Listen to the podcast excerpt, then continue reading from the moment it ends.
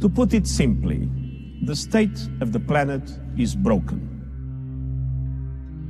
FN har vært bekymra i mange år. Humanity is waging war on nature. Det samme har aktivistene. How dare you continue to look away and come here saying that you're doing enough? Og i 2015 så gikk verdens politikere sammen i Paris for å finne en løsning. L'accord de Paris pour le climat est accepté. Parisavtalen ga håp, men var ikke perfekt. Så nå, etter fem år, så skulle måla skjerpes. Men I'm declaring a public health emergency of international concern over the global outbreak of novel coronavirus. Problemet med klimasaken er at det alltid er noe annet som haster mer. Du hører på Forklart fra Aftenposten. Jeg heter Anne Lindholm, og i dag er det fredag 11. desember.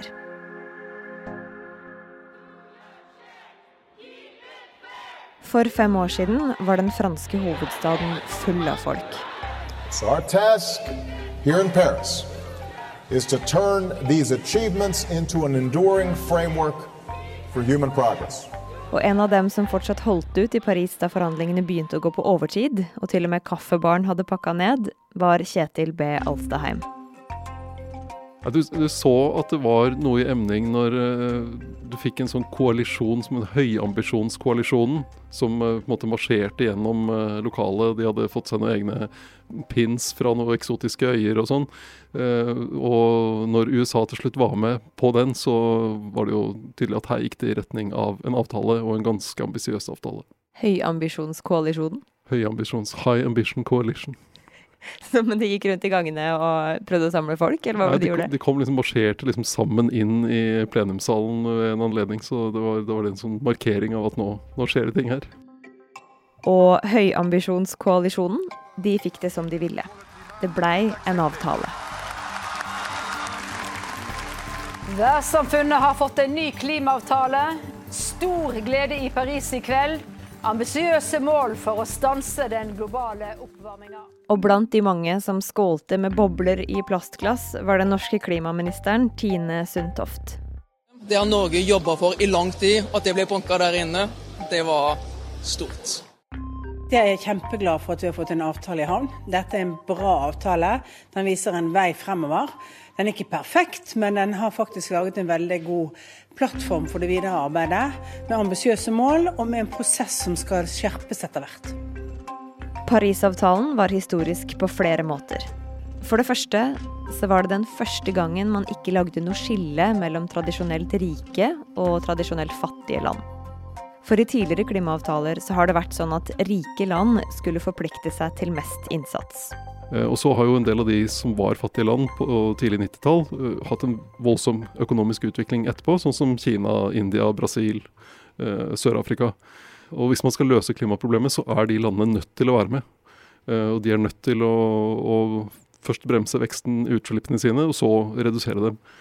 Så noe av det som var eh, viktig i Paris, var at man fikk til en felles avtale med i hovedsak felles regler for alle land. For det andre så skjerpa man målet om hvor mye varmere kloden skulle bli.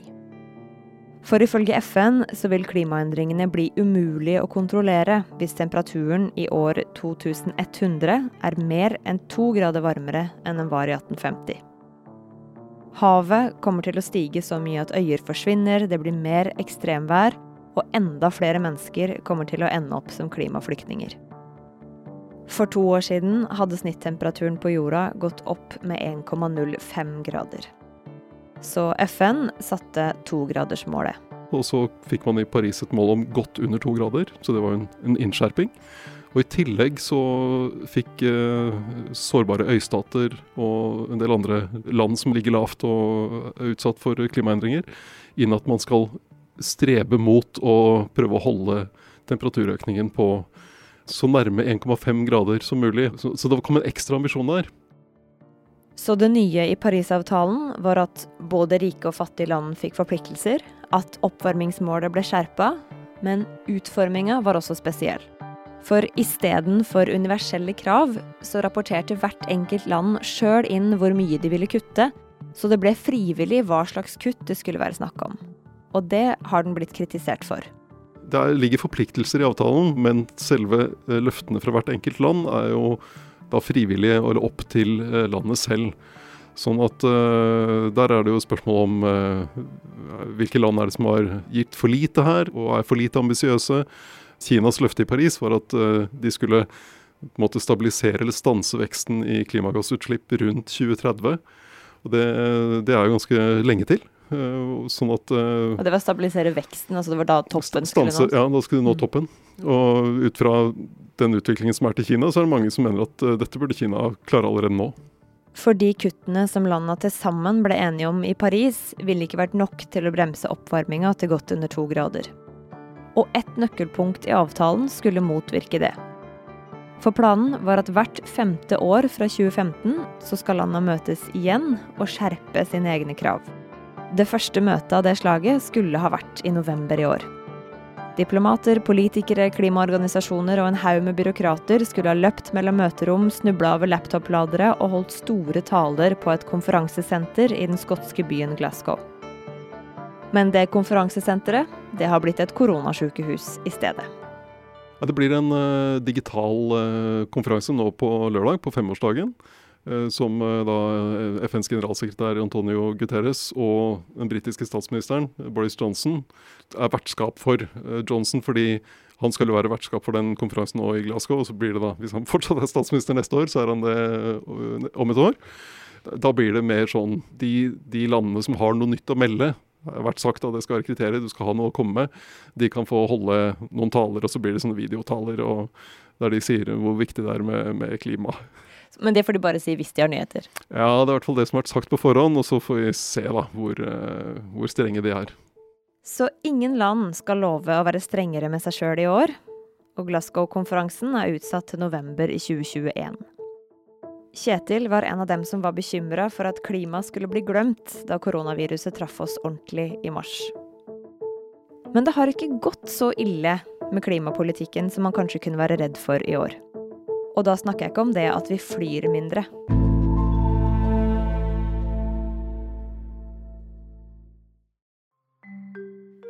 Sjøl om den planlagte innstramminga av måla i Parisavtalen ikke blir noe av i år, så fins det noen lyspunkter.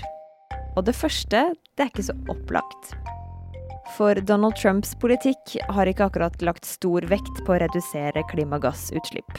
Han har jo kalt det en bløff, og noe av det han sa var at uh, han ville trekke USA ut av Parisavtalen. Men det første lyspunktet det handler om det som har skjedd under hans tid som president i USA. Det Trump også lovte i valgkampen sin, var jo å prøve å, å bygge opp igjen uh, kullindustrien og berge arbeidsplasser i, i kullsamfunn. Uh, og det har han ikke klart. For siden Trump tok over, har 65 kullkraftverk blitt lagt ned, og USAs CO2-utslipp knytta til energi har gått ned med nesten 3% Amerikanske utslipp har jo gått ned fordi eh, det har vært eh, mye billig gass, eh, som da erstatter kullkraft. Og det har vært en uh, ganske stor utbygging av, av fornybar, som, som, også har blitt konkurransedyktig. Da. I tillegg så er det jo slik at delstatene styrer mye av dette. En del av, dem, delstatene har kvotesystemer eller andre reguleringer. sånn at klimaarbeidet har ikke stanset selv om Trump har vært president. Og nå skal jo demokraten Joe Biden flytte inn i Det hvite hus, med helt andre folk og en helt annen klimapolitikk. Han har kommet med uh, veldig ambisiøse løfter, uh, og så får vi se hvordan han, han gjør dette konkret. Han vil bl.a. ha en helt ren energisektor, sørge for at USA i praksis har null utslipp innen 2050, og bli med i Parisavtalen igjen.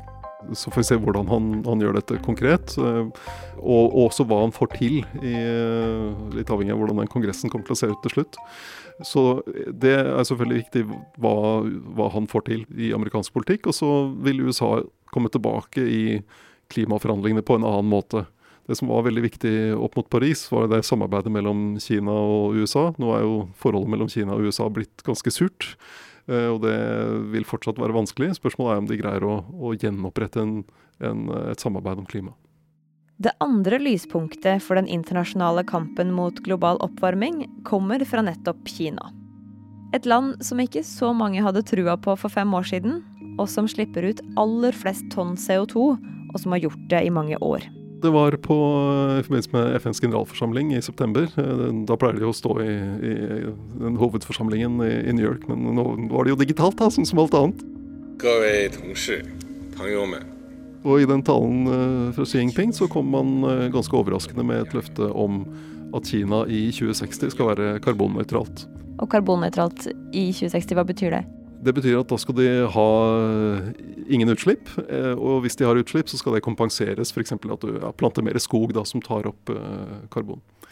Uh, og Det kom også med en, en, liten formulering rundt dette med 2030 uh, som, som, er litt uklart om det ligger noe i. Om det er, egentlig, om det er et løfte om å liksom, nå den utslippstoppen litt før eller ikke. Men det, det er folk litt usikre på. Ja, for da endra man ordlyden med at man skulle nå Eh, utslippstoppen i 2030, og ikke rundt 2030. Ja, det ble, så det, om hva som ligger, egentlig ligger i det, er, er, litt vanskelig å si. Men noe av det interessante eh, med Parisavtalen er, eh, er, jo hvor robust den har vært med tanke på at USA da trakk seg ut. Fordi det er jo Særlig Kina har vært tydelig på at vi står fast ved Parisavtalen.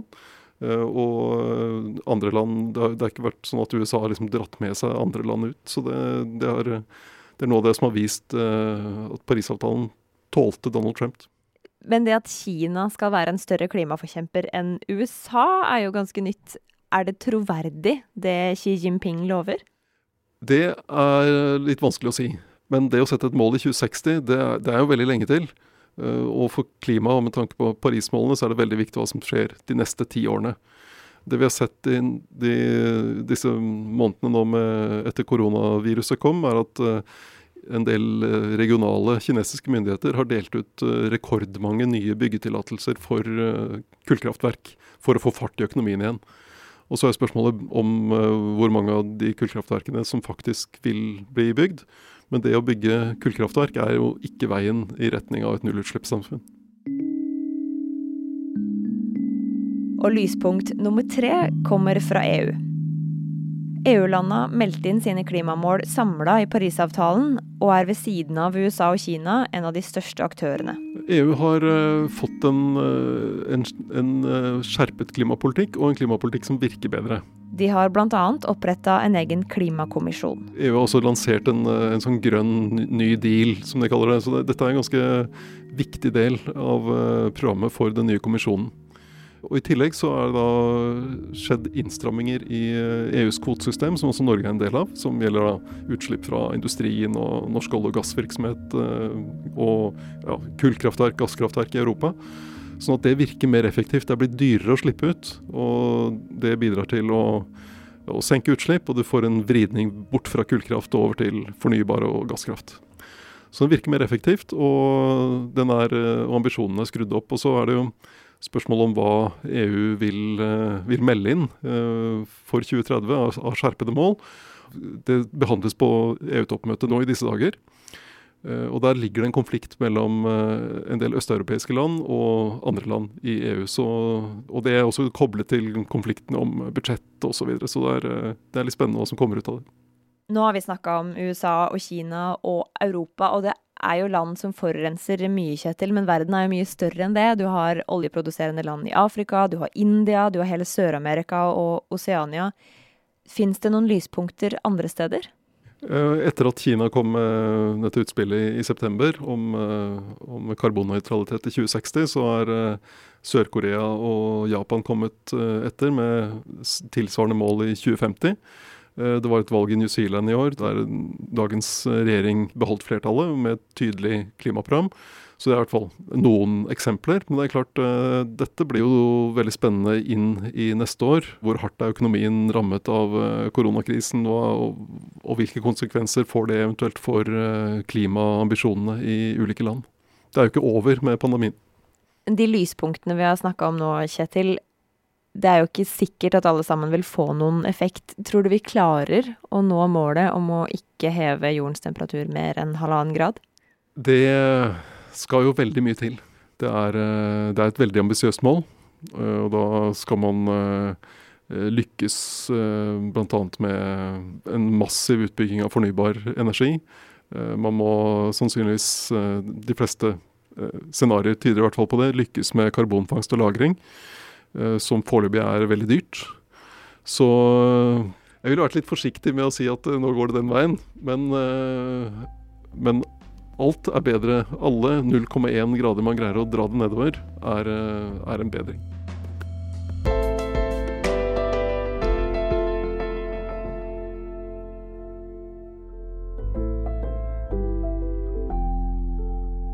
Den episoden her er lagd av produsent Fride Næss Nonstad og meg, Anne Lindholm.